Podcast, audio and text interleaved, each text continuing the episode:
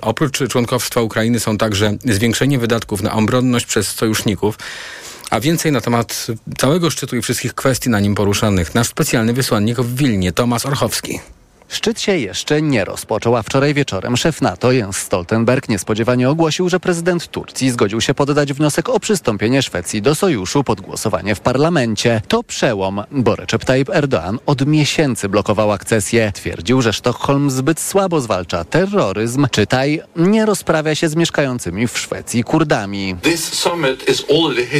Ten szczyt stał się historyczny, zanim się rozpoczął. Szwecja zostanie członkiem NATO. To dobre dla Szwecji, Turcji, sojuszu i państw bałtyckich. Szwecja w NATO to dobra wiadomość dla bezpieczeństwa naszego regionu. Skutkiem tego będzie też znaczne wzmocnienie całego sojuszu. Mówił Stoltenberg, z którym zgadzała się premier Estonii Kaja Kallas. Erdoğan zadowolił się, tak wynika z oświadczenia po wieczornych rozmowach, deklaracją Szwecji, że będzie wspierać proces akcesyjny Turcji do Unii, ściśle współpracować, jeśli chodzi o działania antyterrorystyczne, i pogłębi stosunki handlowe z Ankarą. Z kolei Amerykanie przekazali, że ruszają naprzód w sprawie transferów myśliwców F-16 do Turcji. No ale wróćmy do samego szczytu, bo liderzy zajmują się tu też szeregiem innych bardzo ważnych spraw, między innymi wydatkami na obronność. Ma to już nie być dążenie do 2% PKB, co ustalono prawie 10 lat temu na co najmniej 2%. Wszyscy Polacy zgadzają się, że trzeba zwiększać wydatki na obronność. Mówił w Wilnie Andrzej Duda, prezydent Polski, która jest jednym z zaledwie 11 krajów sojuszu wydającego na obronność co najmniej 2% PKB. NATO zatwierdza tu też pierwszy kompleksowy plan od zakończenia zimnej wojny, którego celem jest obrona przed potencjalnym atakiem ze strony Moskwy. Sytuacja bezpieczeństwa w naszym regionie pogarsza się, mówi prezydent Litwy Gitanas Nauseda. Wsparcie jest, ale czasem życzylibyśmy sobie, żeby nadchodziło ono szybciej. Szybszy powinien być proces decyzyjny, zwłaszcza jeśli chodzi o sąsiedztwo Litwy czyli Białoruś. Na to bierzemy artykuł 5 dosłownie. Atak na choć centymetr terytorium członka sojuszu oznacza, że wszyscy jesteśmy w stanie wojny z agresorem. Dodawał prezydent Stanów Zjednoczonych Joe Biden. Głównym tematem szczytu jest jednak Ukraina, która bardzo chciałaby przystąpić do NATO. Kijów o tym, że zostanie członkiem sojuszu usłyszał po raz pierwszy podczas obrad w Bukareszcie, które odbyły się 15 lat temu, ale potem Putin zaatakował Ukrainę i sprawa skomplikowała się. Spodziewam się, że w końcu zostaniemy przyjęci do NATO. Cóż, może nie tyle co przyjęci, co zostaną podpisane jakieś dokumenty, że będziemy członkiem w przyszłości. W moim będziemy członem NATO. Przyznawał jeden z mieszkańców Kijowa. Sojusznicy co do zasady zgadzają się, że w trakcie wojny Ukrainy przyjąć do NATO nie można. Mówił o tym jasno jeszcze przed szczytem w Wilnie prezydent Biden. Zirytowany Wołodymyr Zełański narzekał, że NATO rozmywa komunikat w sprawie akcesji jego kraju. Według przywódcy Ukrainy absurdem jest, że ani w przypadku zaproszenia, ani członkostwa Kijów nie może doprosić się żadnych ram czasowych. Z większym optymizmem wypowiada się Stoltenberg. Oczekuję, że sojusznicy wyślą tu jasny i pozytywny komunikat w sprawie drogi Ukrainy do NATO. Oczywiście toczą się też rozmowy o dalszym wsparciu gospodarczym i wojskowym Kijowa. Jutro odbędzie się tu inauguracyjne posiedzenie Rady NATO-Ukraina, której celem jest zacieśnienie współpracy z zaatakowanym przez Rosję krajem, ale też trzeba myśleć o bardziej odległej przyszłości, bo wojna w Ukrainie się kiedyś skończy. Na wyzwaniem dla Zachodu pozostaną Chiny. Jak na NATO patrzy Pekin, to widać po doniesieniach Państwowej Agencji Xinhua, Według niej NATO to ucieleśnienie ducha wojskowej hegemonii, którego celem jest kontynuowanie toksycznego dziedzictwa zimnej wojny. Z Wilna Tomasz Urchowski, TOK FM.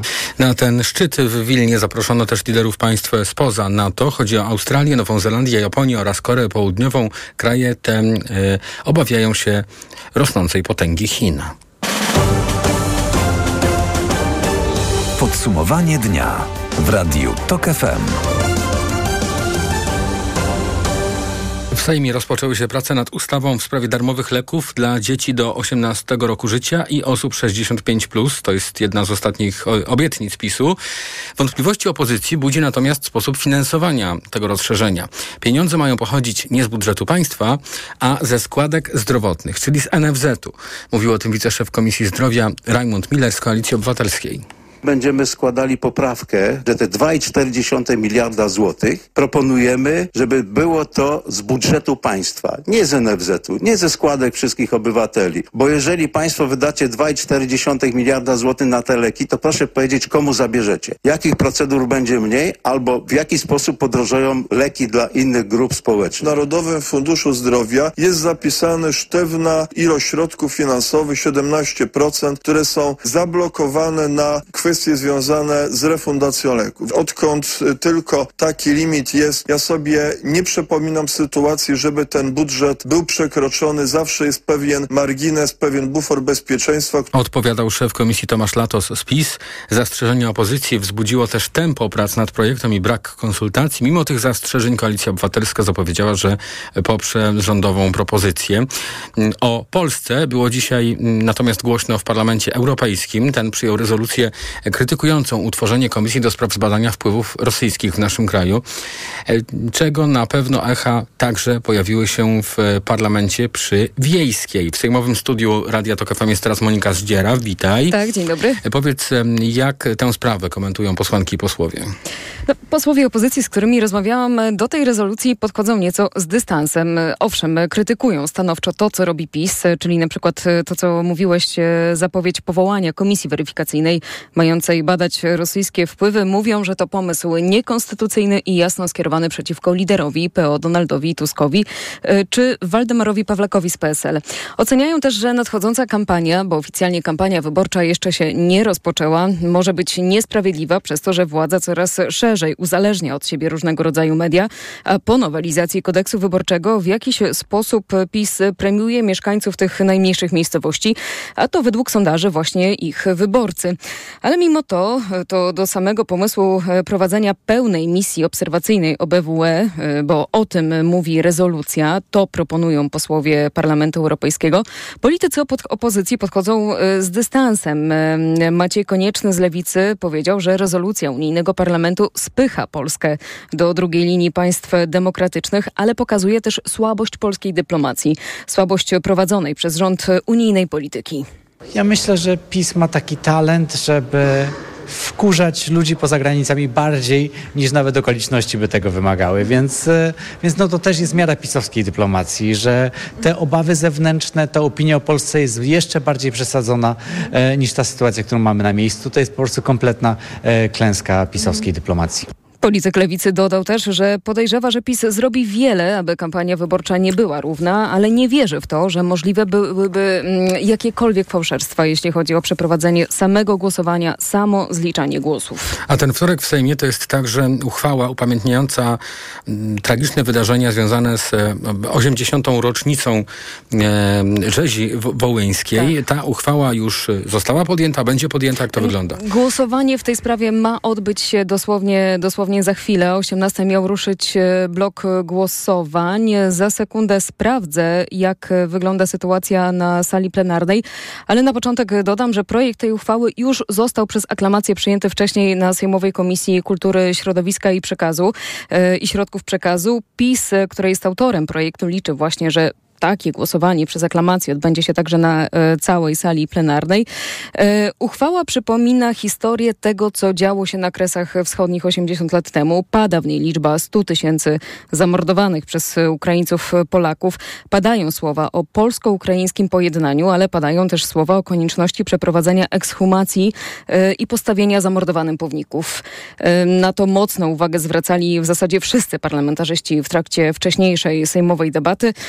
E, Wicemarszałek Sejmu Piotr Zgorzelski, który jest przyjacielem rodzin wołyńskich, ocenił we wcześniejszej rozmowie ze mną, że właśnie rodziny wołyńskie są obecnie w pewien sposób marginalizowane przez polskie władze. Dużym zgrzytem jest y, tych uroczystości to, że rodziny wołyńskie, spro, strona społeczna zostały tak zmarginalizowane przez władzę, która boi się trudnych i często ostrych, stawianych ostro stanowisk rodzin wołyńskich. Tylko pamiętajmy, y, ich wrażliwość, ich cierpienie jest przez lata odkładane y, ze względu na poprawność polityczną, dobrosąsiedzkie stosunki, a ich za chwilę nie będzie. Ich wrażliwość jest wyostrzona.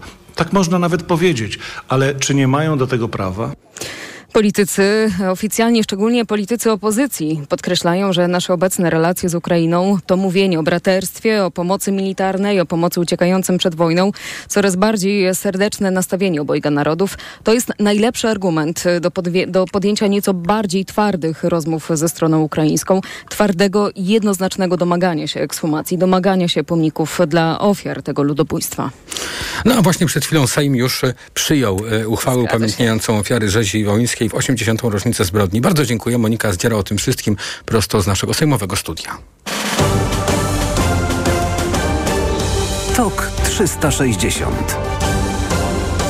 Na ulicach Izraela znów protestują tysiące mieszkańców. To jest efekt przyjętych przez Kneset pod osłoną nocy przepisów ograniczających uprawnienia Sądu Najwyższego. Sędziowie nie będą już mogli unieważniać decyzji rządu i ministrów.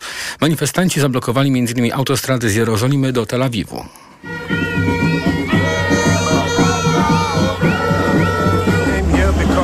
Przyjechałem tutaj, ponieważ ten rząd całkowicie niszczy demokrację w Izraelu. Kiedy system kontroli ma zniknąć, masz dyktaturę. Tego właśnie chce władza. Dyktatury i przekształcenia Izraela w religijne i ortodoksyjne państwo prawicowe. Nie pozwolimy na to.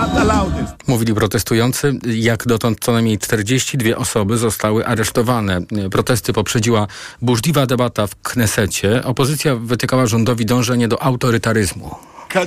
Kula śnieżna, która zaczyna się tu dzisiaj toczyć, będzie rosła, przyspieszała i stratuje cały kraj, jeśli jej teraz nie powstrzymamy. Mówił lider opozycyjnej Partii Jedności Narodowej Benny Gantz. Przepisów bronił minister sprawiedliwości Jarwin Lewin. Rzeczywistość, z którą mamy do czynienia, jest sprzeczna z fundamentem demokracji, rządami ludu. Nie dla samowładztwa, nie dla rządów garstki wyniesionych ponad lud, nie dla rządów sędziów. A te przegłosowane przepisy to jest jeden z kluczowych punktów reformy premiera Benjamina Netanyahu, przeciwko której protestują dziesiątki tysięcy, tysięcy mieszkańców Izraela. O tym, e, dlaczego rządowi tak zależy na przeforsowaniu tych przepisów, e, mówił w TOK FM Jakub Katulski, politolog, kulturoznawca i autor bloga i podcastu Stosunkowo Bliski Wschód tak jak uważa opozycja, tak naprawdę głównym celem jest to, żeby nie można było blokować mianowania na ministrów osób skazanych prawomocnymi wyrokami sądu. Tak się zdarzyło na początku tego roku z Ariem Deri, liderem sefardyjskiej partii Szas, którego właśnie mm, wybór na ministra unieważnił sąd, y, dlatego że jest on dwukrotnie skazanym y, przestępcą podatkowym. Y, natomiast zwolennicy tej reformy uważają, że akurat ten element ma świadczyć o tym, że to nie niewybierani sędziowie będą decydować o składzie rządu czy o ważności decyzji administracyjnych, ale właśnie wybierani w demokratycznych wyborach politycy. Więc mamy, mamy klincz między opozycją a rządem. No, każda ze stron twierdzi, że, że motywacja jest zgoła inna i e, no, pewnie trudno byłoby tu szukać kompromisu. Usłyszeliśmy w audycji Jakuba Janiszewskiego połączenie. Protestujący blokują m.in. lotnisko w Tel Awiwie. Policja używa wobec nich armatek wodnych y, od pół roku, czyli od początku rządów premiera Benjamina Netanyahu w obecnej kadencji. Izraelczycy wychodzili na ulicę już kilkadziesiąt razy, a do sytuacji w Izraelu jeszcze wrócimy do godziny 19 w podsumowaniu dnia w rozmowie z dr Magdaleną Pogońską-Pol z Uniwersytetu Łódzkiego. Ponad 60 tysięcy osób latem zeszłego roku zmarło z powodu upałów. Takie dane podaje medyczne czasopismo Nature Medicine. Te dane obejmują jednak tylko kraje Europy. O tym, że statystyki mogą być w związku z tym niedoszacowane, mówiła w TOK dyrektorka Health and Environment Alliance Weronika Michalak. Posłuchajmy w, e, fragmentu audycji, w której była gościnią Agnieszki Lichnerowicz. Wszystkie systemy ochrony zdrowia w ogóle łączą kropki, które z jednej strony uwzględniają problemy sercowo-naczyniowe, udary cieplne, wszystkie konsekwencje przegrzania organizmu człowieka ze zmianą klimatu. I e, no, nie mamy tutaj kompleksowych danych, więc musimy mieć świadomość, że tego będzie coraz więcej. A sprzyjają temu rekordy temperatury. Za nami najgorętszy w historii pomiarów czerwiec i pierwszy tydzień lipca. Tak e, wynika przynajmniej z danych Światowej Organizacji Meteorologicznej. Niestety no, musimy się powoli adaptować do tego, co sobie sami zaserwowaliśmy, ponieważ pamiętajmy, że zmiana klimatu oczywiście ma pochodzenie antropogeniczne, czyli to, co my wyemitowaliśmy do atmosfery, teraz powoduje te wszystkie konsekwencje. Mam na myśli gazy cieplarniane. Według ekspertki fale upałów będą poważniejsze i dłuższe, a towarzyszyć im będą susze i zagrożenie bezpieczeństwa żywnościowego. Całą rozmowę na ten temat znajdą Państwo w podcastach na tokfm.pl i w naszej aplikacji mobilnej. Na koniec jeszcze temat e, ekonomiczny w podsumowaniu dnia. Najnowsze prognozy inflacyjne zapisane w projekcji Narodowego Banku Polskiego są już nieaktualne. E, ostrzegali ekonomiści w dzisiejszym magazynie EKG w TOK FM. Zwłaszcza jeśli rzeczywiście dojdzie do obniżki stóp procentowych po wakacjach, czego nie wykluczał ostatnio prezes Narodowego Banku Polskiego. Obniżka stóp procentowych spowoduje, że z wysoką inflacją będziemy walczyć dłużej, przewiduje Monika Kurtek, główna ekonomistka Banku Pocztowego jeżeli obniżamy stopy procentowe, to należałoby spodziewać się, że ta ścieżka inflacji zaprezentowana w e, projekcji Narodowego Banku Polskiego powinna gdzieś tam wędrować na wyższe poziomy. A do obniżki może dojść we wrześniu albo w październiku, czego pokazana właśnie projekcja inflacji nie bierze pod uwagę, mówi dr Anna Czar y, Czarczyńska, ekonomistka Akademii Lona Koźmińskiego zapowiedź obniżenia stóp procentowych już zmienia sytuację rynkową. W związku z tym ten raport wczoraj można wyrzucić do kosza. On po prostu y, już nie działa. A według niego przy obecnych stopach procentowych inflacja wróciłaby w okolice optymalnych poziomów za dwa lata. Podsumowanie dnia w Radiu Tok FM, część informacyjną już mamy za sobą, a przed nami y, część, w której oddajemy głos komentatorom. Moim Państwa gościem już za kilka minut będzie Robert Pszczel. To dyplomata i były szef Biura Informacyjnego NATO w Moskwie, którego będę pytał y, o znaczenie tych wszystkich deklaracji, które padły podczas szczytu NATO w Wilnie. Jens Stoltenberg, szef Sojuszu Północnoatlantyckiego, powiedział, że Ukraina e, dołączy do NATO, ale przecież e, coś takiego słyszeliśmy także 15 lat temu. Jakie znaczenie zatem dziś mają te słowa? O to będę pytał. Później dr Magdalena Pogońska-Pol z Uniwersytetu Łódzkiego, z którą będziemy e, omawiali sytuację w Izraelu.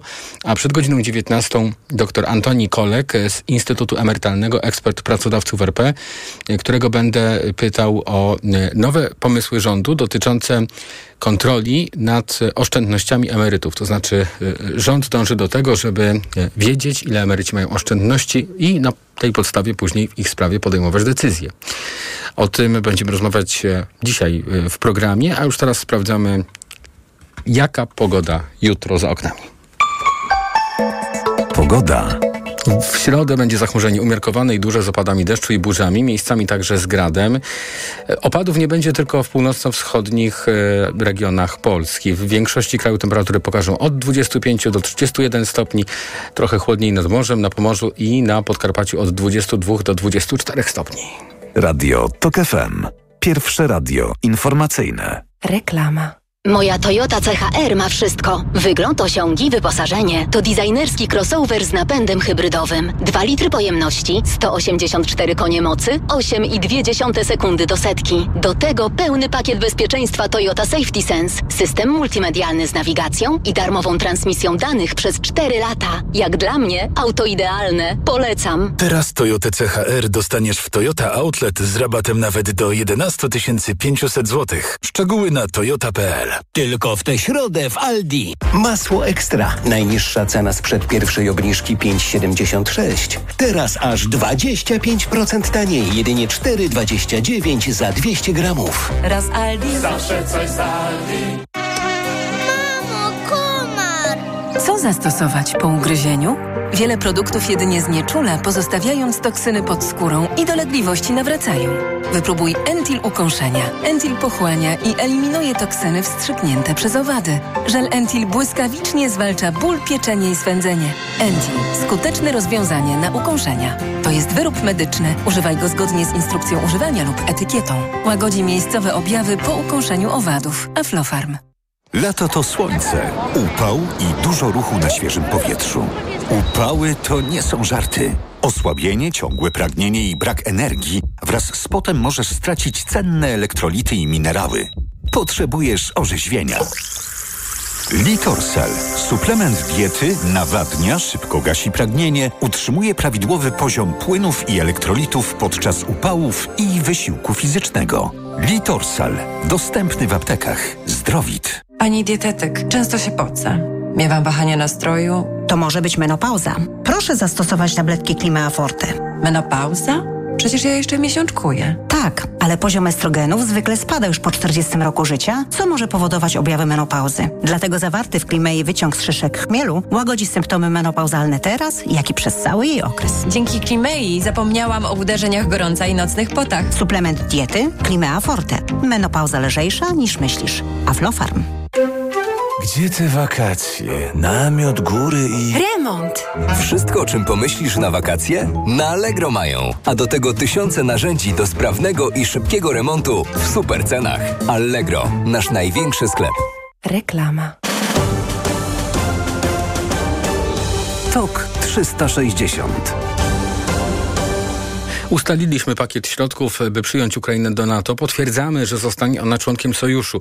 Ogłosił na szczycie NATO w Wilnie sekretarz generalny sojuszu Jens Stoltenberg. Teraz będziemy te deklaracje dzisiejsze komentować razem z Robertem Pszczelem, dyplomatą i byłym szefem Biura Informacyjnego NATO w Moskwie. Dzień dobry, witam w Radiu Tok FM.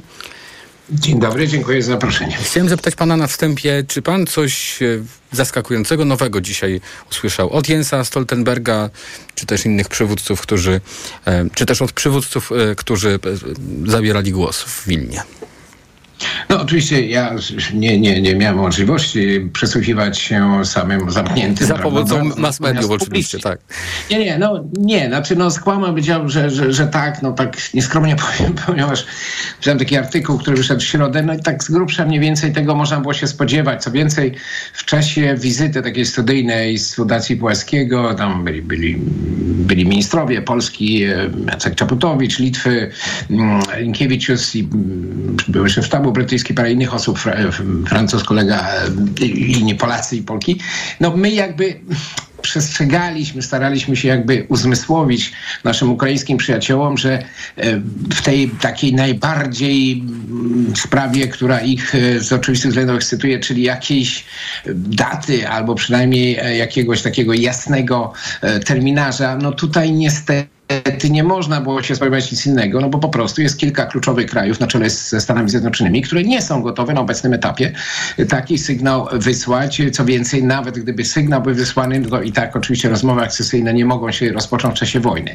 Natomiast i, no, zachęcaliśmy, aby spojrzeli na jednak te uzgodnienia, czyli pakiet takiego wsparcia dla Ukrainy, powołanie Rady na, to, na to Ukraina i wiele innych rzeczy bardzo konkretnych konkretnych, bardzo y, znaczących y, no, z dobrej strony. I teraz przyjdzie czas na wykorzystanie do maksimum tego pakietu, natomiast no, tą batalię polityczną trzeba będzie prowadzić dalej, dlatego że członkostwo Ukrainy w NATO jest nie tylko moralnie właściwe, ale jest mhm. i korzystne dla Ukrainy, ale oczywiście byłoby korzystne dla bezpieczeństwa europejskiego, zwłaszcza państw frontowych. Tutaj no, takie porównanie, no, między innymi dlatego w 1955 roku Niemcy zachodnie zostały przyjęte do NATO, to było dosyć dosyć świeżo po wojnie, no bo były potrzebne jednak, był potrzebny ten wkład wojska wtedy zachodnio-niemieckiego i e, na, na, na wschodniej wtedy granicy sojuszu. I tak samo jest dzisiaj. Ukraina w jakim sensie, tu są pewne podobieństwa, więc no, no trudno, no tak się stało. Natomiast ten pakiet, tak jak podkreślam, i poparcie na to długofalowe dla, y, dla Ukrainy, zarówno w czasie wojny, jak i to przejście na standardy natowskie, ono ma duże znaczenie. Tylko po prostu no, trzeba się trochę otrząsnąć z tego jakby, no może y, no, pewnego zawodu, tak? I, i, i przejść do pracy o, o, mhm. organicznej. I tak bym, tak bym to powiedzmy podsumował, jeśli chodzi o tą sprawę. Można sobie zadawać pytanie, y, czym się różni wypowiedzenie tych słów przez szefa NATO, że Ukraina będzie w NATO, co miało miejsce paręnaście lat temu w kontekście Ukrainy, także, więc to znów taka, nie chcę powiedzieć puste słowa, ale no nie wiem, e, może pan by to skomentował. I chciałem zapytać o to, co się realnie zmienia teraz po tym szczycie, co, co, co będzie nowego, no bo mamy koalicję tych 11 państw, które będą szkoliły pilotów. Pan też mówił o Radzie NATO-Ukraina. Co to będzie nowego? Znaczy tak, dzisiaj przyglądając się, słuchając sekretarza mojego byłego szefa w sumie generalnego, no trochę mi go szkoda, bo taka jest jego rola. No to już nie sekretarz generalny podejmuje decyzje, a musi się z nich tłumaczyć. No i zawsze przyjemnie jest mówić to, co zwłaszcza w tym przypadku Ukraina chciałaby usłyszeć. Natomiast takie są realia. Co do pakietu, e, Rada, tu też uważam, że troszeczkę y, za dużo jest takiego pesymizmu. Rada to jest oczywiście biurokratyczna swego rodzaju zmiana, ale politycznie i, i nawet biurokratycznie znacząca, bo to daje możliwość, daje to forum, stwarza, stwarza y, możliwość powoływania różnych grup roboczych, no mówiąc y, kolokwialnie, męczenia na to, ale w pozytywnym sensie, y, aby wspomogło Ukrainie i to jest sprawa, której tak nie do końca Ukraińcy rozumieją. Jednak tutaj różnego rodzaju standardy wojskowe, ale nie tylko. No je trzeba wypełniać, trzeba lepiej wiedzieć, jak działają te mechanizmy i w momencie, kiedy Ukraina, jestem przekonany, że będzie w stanie to zrobić, to odbierze to argument tym, którzy no, troszeczkę chowają się za takim ogólnym terminem warunki. No bo co znaczą warunki, prawda? No, Ukraina jest krajem demokratycznym i w tej chwili jest de facto właściwie spełnia rolę tego wschodniego, e, wschodniej flanki, prawda? Broni, broni bezpieczeństwa. Więc e, ten czas, który, który najbliższe miesiące powinny pomóc Ukrainie, różnym jej instytucjom, aby doszlusować do tych takich może bardziej technokratycznych warunków. Natomiast kluczem jednak do sukcesu oczywiście jest zwycięstwo na polu walki i tutaj e, to nawet nie tylko sam komunikat szczytu, ale różne zapowiedzi, czy to dostarczenie, prawda, tych rakiet francuskich, ta koalicja, no F-16, oczywiście to się nie zmaterializuje szybko, bo mówimy o szkoleniu, też tłumaczyliśmy to w Kijowie, że samo kierowanie samolotem F-16 to nie jest rzecz potwornie skomplikowana, ale on jest podłączony do całego systemu informacyjnego i to daje przewagę, prawda, na polu walki. Polscy piloci też kilka lat e, się szkolili, aby dojść do takiej wprawy, która dzisiaj pozwala im e, wykorzystywać potencjalnie te samoloty. Także jest wiele rzeczy, które e, wyniki tego szczytu, rezultaty, a nie wszystkie jeszcze znamy, bo jeszcze będzie, będą dodatkowe na pewno zapowiedzi. One, one, one Ukrainie pomogą. No ale druga sprawa to jest oczywiście bezpieczeństwo, kolektywna obrona NATO, to ma bezpośrednie również znaczenie dla Polski. Tutaj są dobre wiadomości. To znaczy, jakie dobre wiadomości by pan tutaj no, wyróżnił? To znaczy przejęcie przede wszystkim tych jednak nowego typu, nazwijmy to, plany e, ewentualnościowe, no, obronne, oczywiście one zawsze istnieją, natomiast te mają zupełnie inny charakter, są bardziej kompleksowe, są powiązane po pierwsze z danym regionem, czyli mówiąc w uproszczeniu, dezygnowane są już konkretne jednostki, podrozdziały z różnych krajów, które wiedzą, gdzie ewentualnie miałyby wkroczyć, jeśli zaszła taka potrzeba e, do, do walki, będą się prowadzić, prawda, ćwiczenia, Mówimy tutaj o, y, czy NATO mówi o rozmieszczeniu sprzętu zawczasu. Y, jest cały szereg y, rzeczy i przede wszystkim podłączenie tego w ramach, wiem, to brzmi biurokratycznie, to ma znaczenie do planowania obronnego NATO, w sensie, gdzie kraje zobowiązują się zgodnie ze, ze swoimi możliwościami budżetowymi do, że tak powiem, zintegrowania tych planów obronnych całego NATO z, ze swoimi planami rozwoju sił zbrojnych. To ma kolosalne znaczenie, bo to jest bardzo wiele do, do zrobienia. Także ten szczyt um, uważam kładzie, no i oczywiście poziom ambicji. 300 tysięcy jednak sił e, na znacznie wyższym poziomie, że tak powiem, zdolności do reagowania, e, to jest zupełnie inna bajka niż te 40 tysięcy, które do tej pory, z którymi mieliśmy do czynienia. Więc to jest znaczący postęp, tylko teraz trzeba będzie te decyzje przekuć na realia. I tu jest rola oczywiście stolic. No i mówię, nie sekretarza generalnego, nie biurokratów z kwatery głównej, czy politycznych, czy, czy cywilnych, czy wojskowych, ale już konkretnych e, krajów. I do tego są potrzebne środki i determinacja polityczna. NATO mające wśród państw członkowskich także Szwecję, e, to jest e, taki sygnał w kierunku Moskwy, który e, zwiększa bezpieczeństwo państw bałtyckich. Jakby pan jeszcze to skomentował? No, to jest nie tylko sy sygnał, to będzie oczywiście konkretne, wymierne, że tak powiem, zdolności, które tak, oczywiście, przede wszystkim mówimy o Morzu Bałtyckim, które staje się, jak to niektórzy mówią, w jakimś tam sensie e, Morzem Natowskim. I, e, i to jest też sygnał, że proces rozszerzenia jest, e, jest, że tak powiem, konsekwentny. Oczywiście, no, zobaczymy, jak to będzie jeszcze, bo te szczegóły tego dealu, który został wczoraj ogłoszony, wszyscy się oczywiście radują, ja też.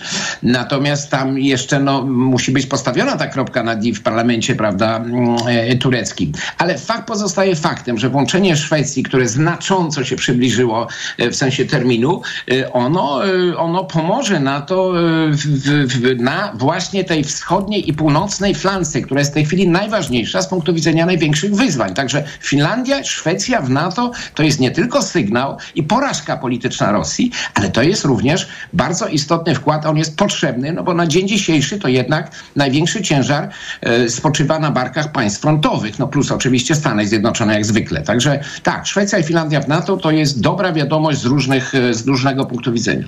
Bardzo dziękuję. Robert Pszczel, dyplomata i były szef Biura Informacyjnego NATO w Moskwie, był razem z nami w podsumowaniu dnia. A już za chwilę będziemy rozmawiali o sytuacji w Izraelu. Moim i Państwa, moją i Państwa gościnią będzie dr Magdalena Pogońska-Pol z Uniwersytetu Łódzkiego. Reklama. Dzień dobry. Poproszę francuską bagietkę. Chrupiącą, ale niezbyt mocno. Lekko posoloną, na mące pszennej 650 i posypaną 20 ziarenkami sezamu. Ok? Łatwo się przyzwyczaić. Citroen C3. Aż 97 wariantów personalizacji nadwozia. Już od 999 zł brutto miesięcznie w leasingu dla klientów indywidualnych na 48 miesięcy. Pani dietetyk, czy osoby starsze powinny nawadniać organizm tylko podczas upałów? U seniorów nawet ciepły dzień to duże ryzyko odwodnienia. Co w takim razie pani zaleca? Codzienne stosowanie elektrolitów Hydro Optima Senior. Suplement diety Hydro Optima Senior ma niską zawartość sodu i glukozy, co ma znaczenie dla osób z nadciśnieniem i podwyższonym poziomem cukru. Dodatkowo Hydro Optima Senior zawiera wyciąg z vitis vinifera wspomagający krążenie. Hydro Optima Senior? To skuteczne i bezpieczne nawodnienie organizmu osób starszych. Aflofarm. Amazon Prime Day wystartował. Dwa dni imponujących okazji na elektronikę, artykuły do domu, kuchni i nie tylko. Są ekscytujące jak otrzymanie nagrody. Wow, nie przygotowałam mowy. Chciałabym podziękować mojemu panu kierowcy za dostarczenie paczki tak szybko. Innym klientom Amazon Prime, mojemu kotu i... Ktoś tu czuje się jak gwiazda. Amazon Prime Day od 11 do 12 lipca. Wyłącznie dla klientów Amazon Prime. Zapisz się już teraz i sprawdź na amazon.pl. Kaśka, to ty? Tak. Ale schudłaś. Stosujesz jakąś dietę? Nie, stosuję tabletki na wątrobę Hepa Slimin. Zobacz, wątroba spisuje się wspaniale i jem wszystko, choćby czekoladę. Widzę, że Hepa Slimin wspomaga też utrzymanie smukłej sylwetki. To tylko taki słodki dodatek. Przecież ja nie muszę się odchudzać. Pewnie, że nie. To ja też będę brać Hepa Slimin. Chcesz mieć słodkie życie bez diety? Chcę mieć zdrową wątrobę. Suplement diety Hepa Slimin w trosce o wątrobę i smukłą sylwetkę. Mate pomaga w utrzymaniu prawidłowej masy ciała, a cholina wspiera funkcjonowanie wątroby. Aflofarm. Ale chwileczkę, bo w Biedronce są biedronkowe oszczędności i biedronkowa kraina świeżości. Do środy soczyste brzoskwinie tylko 4,49 za kilogram. Do tego aromatyczne pomidory na gałązce jedynie 2,89 za kilogram, a łopatka wieprzowa bez kości pakowana próżniowo kraina mięs tylko 10,99 za kilogram z kartą Moja Biedronka. Limit dzienny 6 kg na kartę. Biedronkowa kraina świeżości. Codziennie świeżość i niskie ceny. Oto powody, by iść do Biedronki. Szczegóły na biedronka.pl ale ty schudłaś. Nie zgadniesz dzięki czemu. Zmieniłam preparat magnezu. Na magiczny magnez? Na Neomax Slim. Neomax Slim to suplement diety, który dostarcza magnez, a do tego dzięki nasionom kolanitida wspomaga odchudzanie. Skoro i tak bierzesz magnez, wybierz Neomax Slim. I przy okazji zadbaj o smukłą sylwetkę. Tak zrobię. Tobie także przyda się zdrowa dawka magnezu. Neomax Slim. Więcej niż magnez. Aflofarm. Teraz w Carrefourze królują zyskopaki. Rogal 7 Days z nadzieniem 110 gramów, tylko 2,69 za sztukę przy zakupie dwóch. Oferta ważna do 15 lipca. Najniższa cena z 30 dni przed obniżką 3,99. Carrefour. Możemy kupować mądrze. No jak Andrzej? Jesteś gotowy? Chyba nie pojadę na ryby. Znowu boli mnie bark. Niby coś brałem, ale nie pomaga. Lepiej wypróbuj Opokan Med. To specjalistyczne rozwiązanie właśnie na bóle mięśniowo-stawowe. Opokan Med przynosi ulgę na długo. Na tobie zawsze mogę polegać. Z Opokanem Med będzie będziesz zdrów jak ryba. Opokan Med. Bez bólu przez cały dzień. Bez bólu przez całą noc. To jest wyrób medyczny. Używaj go zgodnie z instrukcją używania lub etykietą. Rozgrzewanie i łagodzenie dolegliwości krzyżowo-lędźwiowych, reumatycznych, mięśniowych, stawowych i nerwobóli. Aflofarm. Reklama. TOK 360. Jest z nami dr Magdalena Pogońska-Pol z Uniwersytetu Łódzkiego. Dzień dobry. Witam w podsumowaniu dnia. E, co najmniej 42 osoby zostały aresztowane podczas protestów w Izraelu. Doszło do nich po tym, jak w nocy Kneset e, przyjął w pierwszym czytaniu ustawę o ograniczeniu uprawnień Sądu Najwyższego. To jest sprawa, która wraca po kilku tygodniach, bo już mieliśmy w tym roku takie duże protesty, które e, wstrzymały na chwilę tę tak zwaną e, reformę sądownictwa w Izraelu. No i co? E, rządzący odczekali trochę i w nocy przyjęli ustawę, która część tych przepisów wprowadza. Proszę powiedzieć, co tutaj się wydarzyło? Czy tutaj władza w jakiś sposób zaskoczyła społeczeństwo? Czy, czy też to było spodziewane, że przepisy zostaną przyjęte? Ja myślę, że w żaden sposób e, premier Benjamin Netanyahu nie zaskoczył społeczeństwa. Mm, wspomniał pan, że te protesty trwają, one trwają od stycznia 2023 roku, właściwie nieprzerwanie, bo na chwilę zostały zawieszone decyzją premiera izraelskiego w marcu, pod koniec marca e, tego roku. A on usiadł do stołu rozmów e, z takich odbywających się z opozycją pod auspicjami prezydenta Itzhaka Herzoga. Jednak w tle cały czas te protesty się odbywały. To oczywiście nie była taka skala protestów, z jaką mamy teraz do czynienia, z jaką mieliśmy do czynienia e, w styczniu, lutym, marcu, kiedy one sięgały przynajmniej e, tak jak donoszą e, media kilkuset tysięcy mm, e, protestujących. Niemniej jednak myślę, że to jest proces, który będzie toczył się dalej. To nie jest tak, że te protesty wygasły i one prawdopodobnie teraz również nie wygasną. Przybiorą na sile. Wszystko wskazuje na to, że protestujący tak łatwo się nie poddadzą, ale również rząd się łatwo nie podda. Trzeba pamiętać, że Benjamin Netanyahu szedł z tym hasłem e, do wyborów. Wyborów, które odbyły się e, jesienią ubiegłego e, roku w Izraelu, zresztą któryś, kolei, któryś z kolei. Z kolei. I to jest hasło, które jest wpisane w program wyborczy, więc stabilność jego rządu, stabilność koalicji również zależy od realizacji tego postulatu.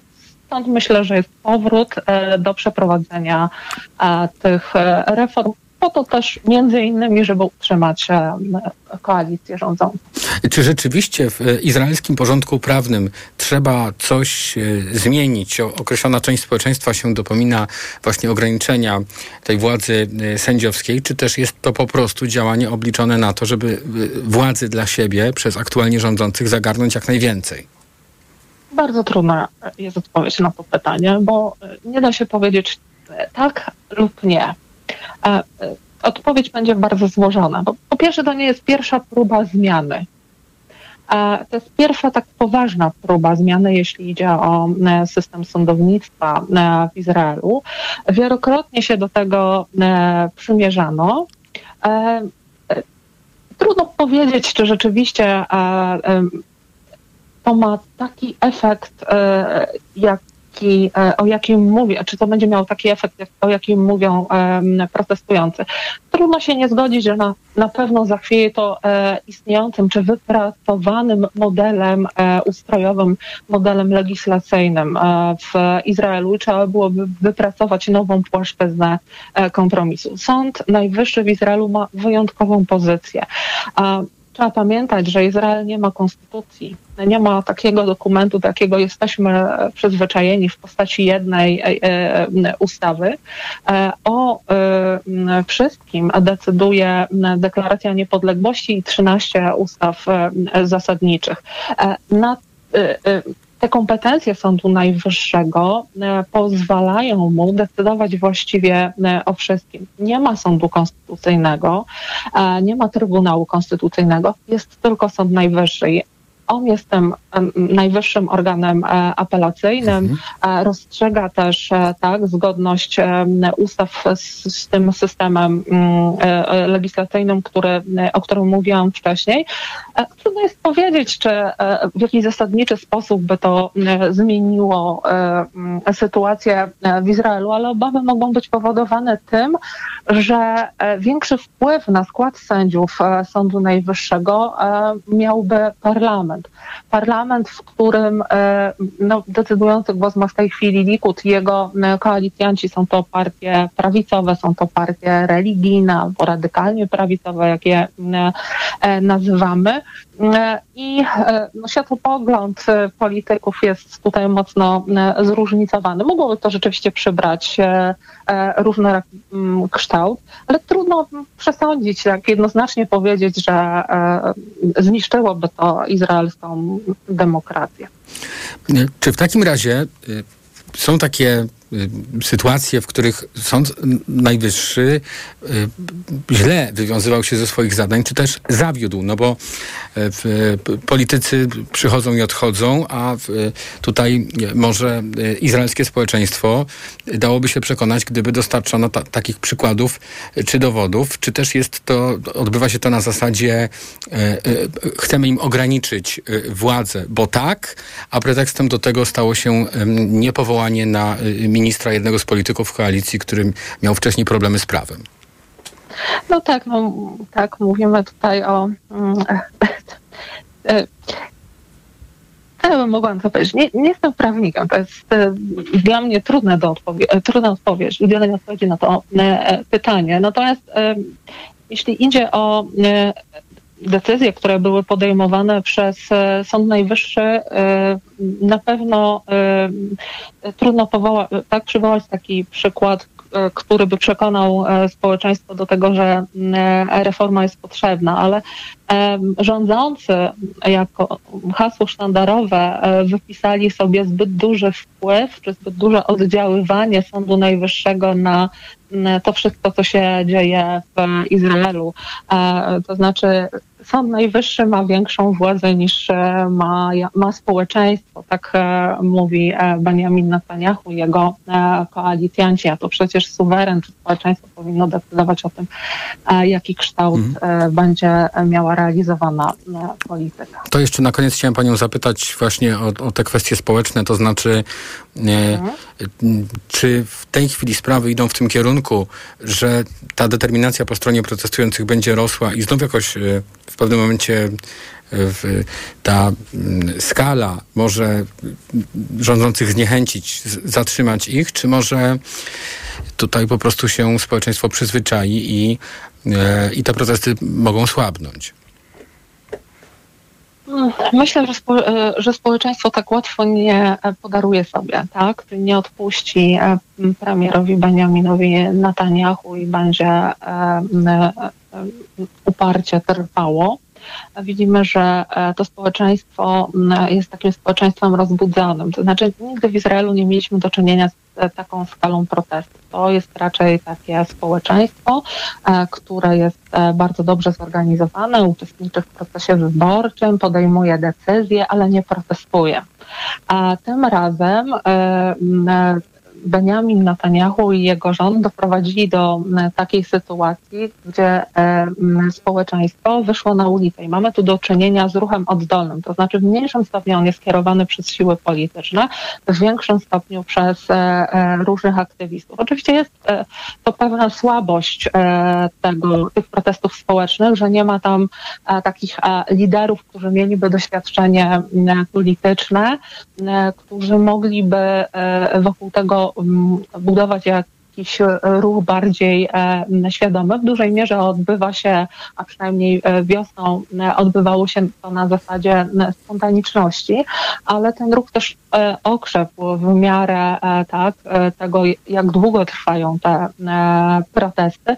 Myślę, że będą trwały nadal pewnie rząd będzie musiał się zastanowić nad tym, e, jaką, e, jakie ustępstwa e, poczynić, bądź zrezygnować w ogóle z przeprowadzania tej reformy, choć wydaje się, że Netanyahu jest zdeterminowany do tego, żeby ją przeprowadzić jeszcze przed przerwą letnią w obradach Knesetu.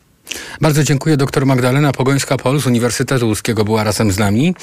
A już za chwilę będziemy rozmawiać o rządowym pomyśle e, wglądów e, oszczędności emerytów. E, na ten temat będę rozmawiał z doktorem Antonim Kolkiem z Instytutu Emerytalnego, ekspertem pracodawców RP.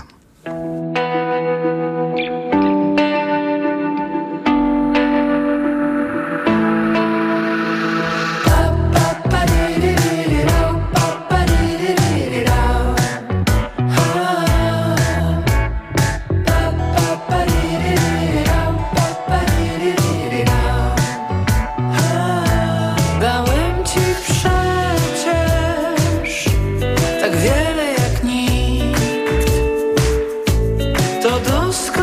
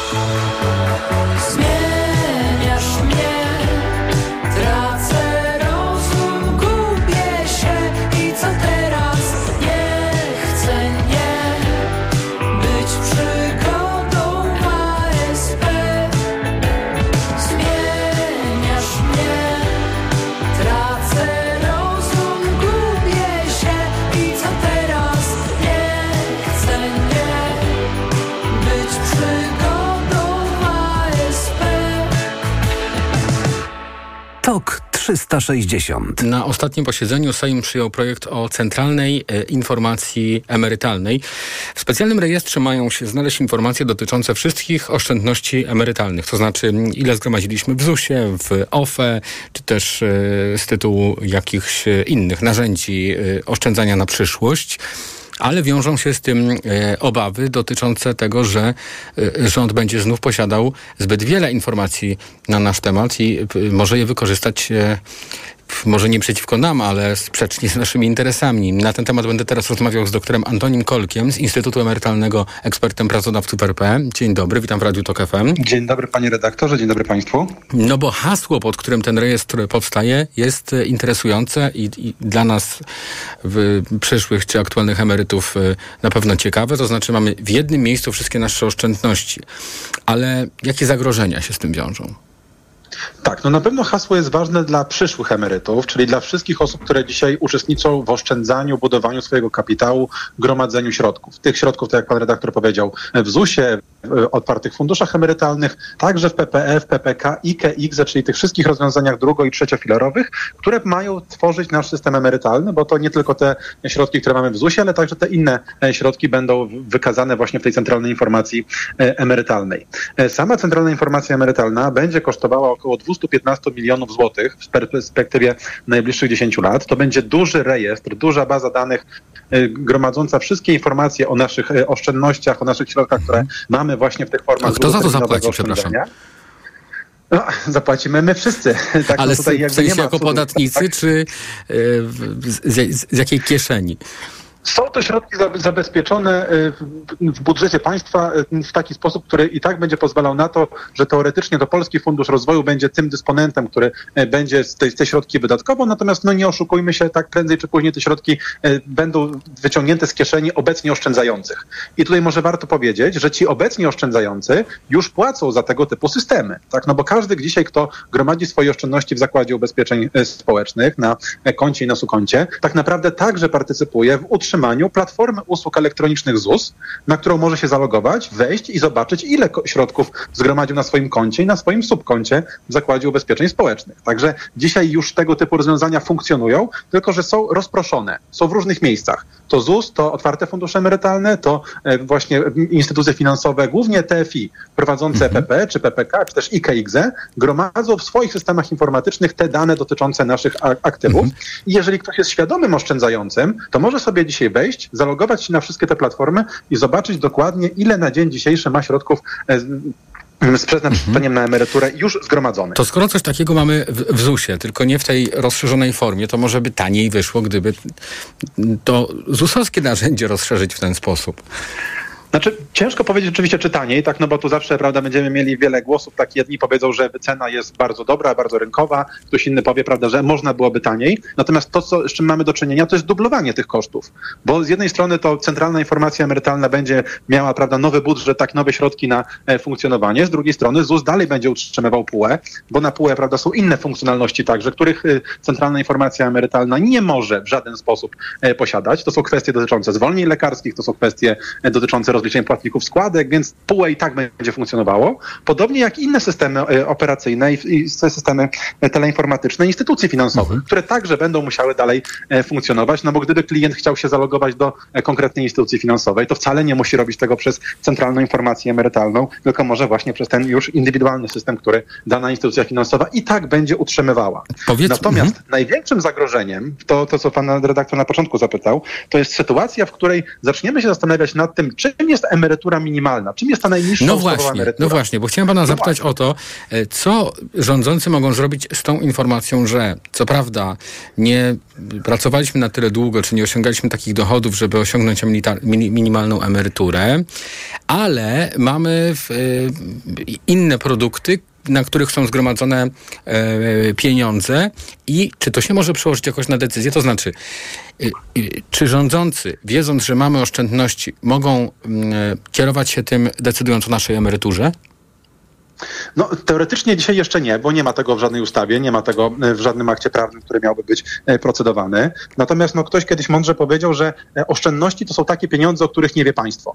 No i jeśli teraz zastanowimy się, po co jest najniższa emerytura w naszym systemie, to najniższa emerytura ma właśnie na celu danie dochodów osobom, które już są w wieku emerytalnym, które pozwolą na zabezpieczenie jakiegoś poziomu życia.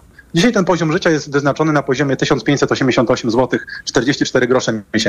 To jest ten dochód, który jest gwarantowany tak w przypadku e, nabycia uprawnienia do najniższej ustawowej e, emerytury. Natomiast za jakiś czas może się okazać, że będziemy, prawda, mogli albo ktoś zaproponuje takie rozwiązanie, mając dostęp do danych ze wszystkich naszych e, instrumentów długoterminowego oszczędzania, kto powie, że skoro ta osoba ma jakieś środki zgromadzone na PPE, na PPK, na IKE, na IZE, to te środki trzeba do dodać do tego minimum i dopłacać tylko do najniższej emerytury tylko różnicę między tymi środkami tym kapitałem, który został zgromadzony, a tym poziomem najniższej emerytury, który faktycznie wówczas będzie obowiązywał. Inaczej mówiąc, to, co oszczędzamy dzisiaj dodatkowo, zostanie niejako wyłączone z tego systemu, zostanie najniższa emerytura minus to, co sobie sami wypracowaliśmy.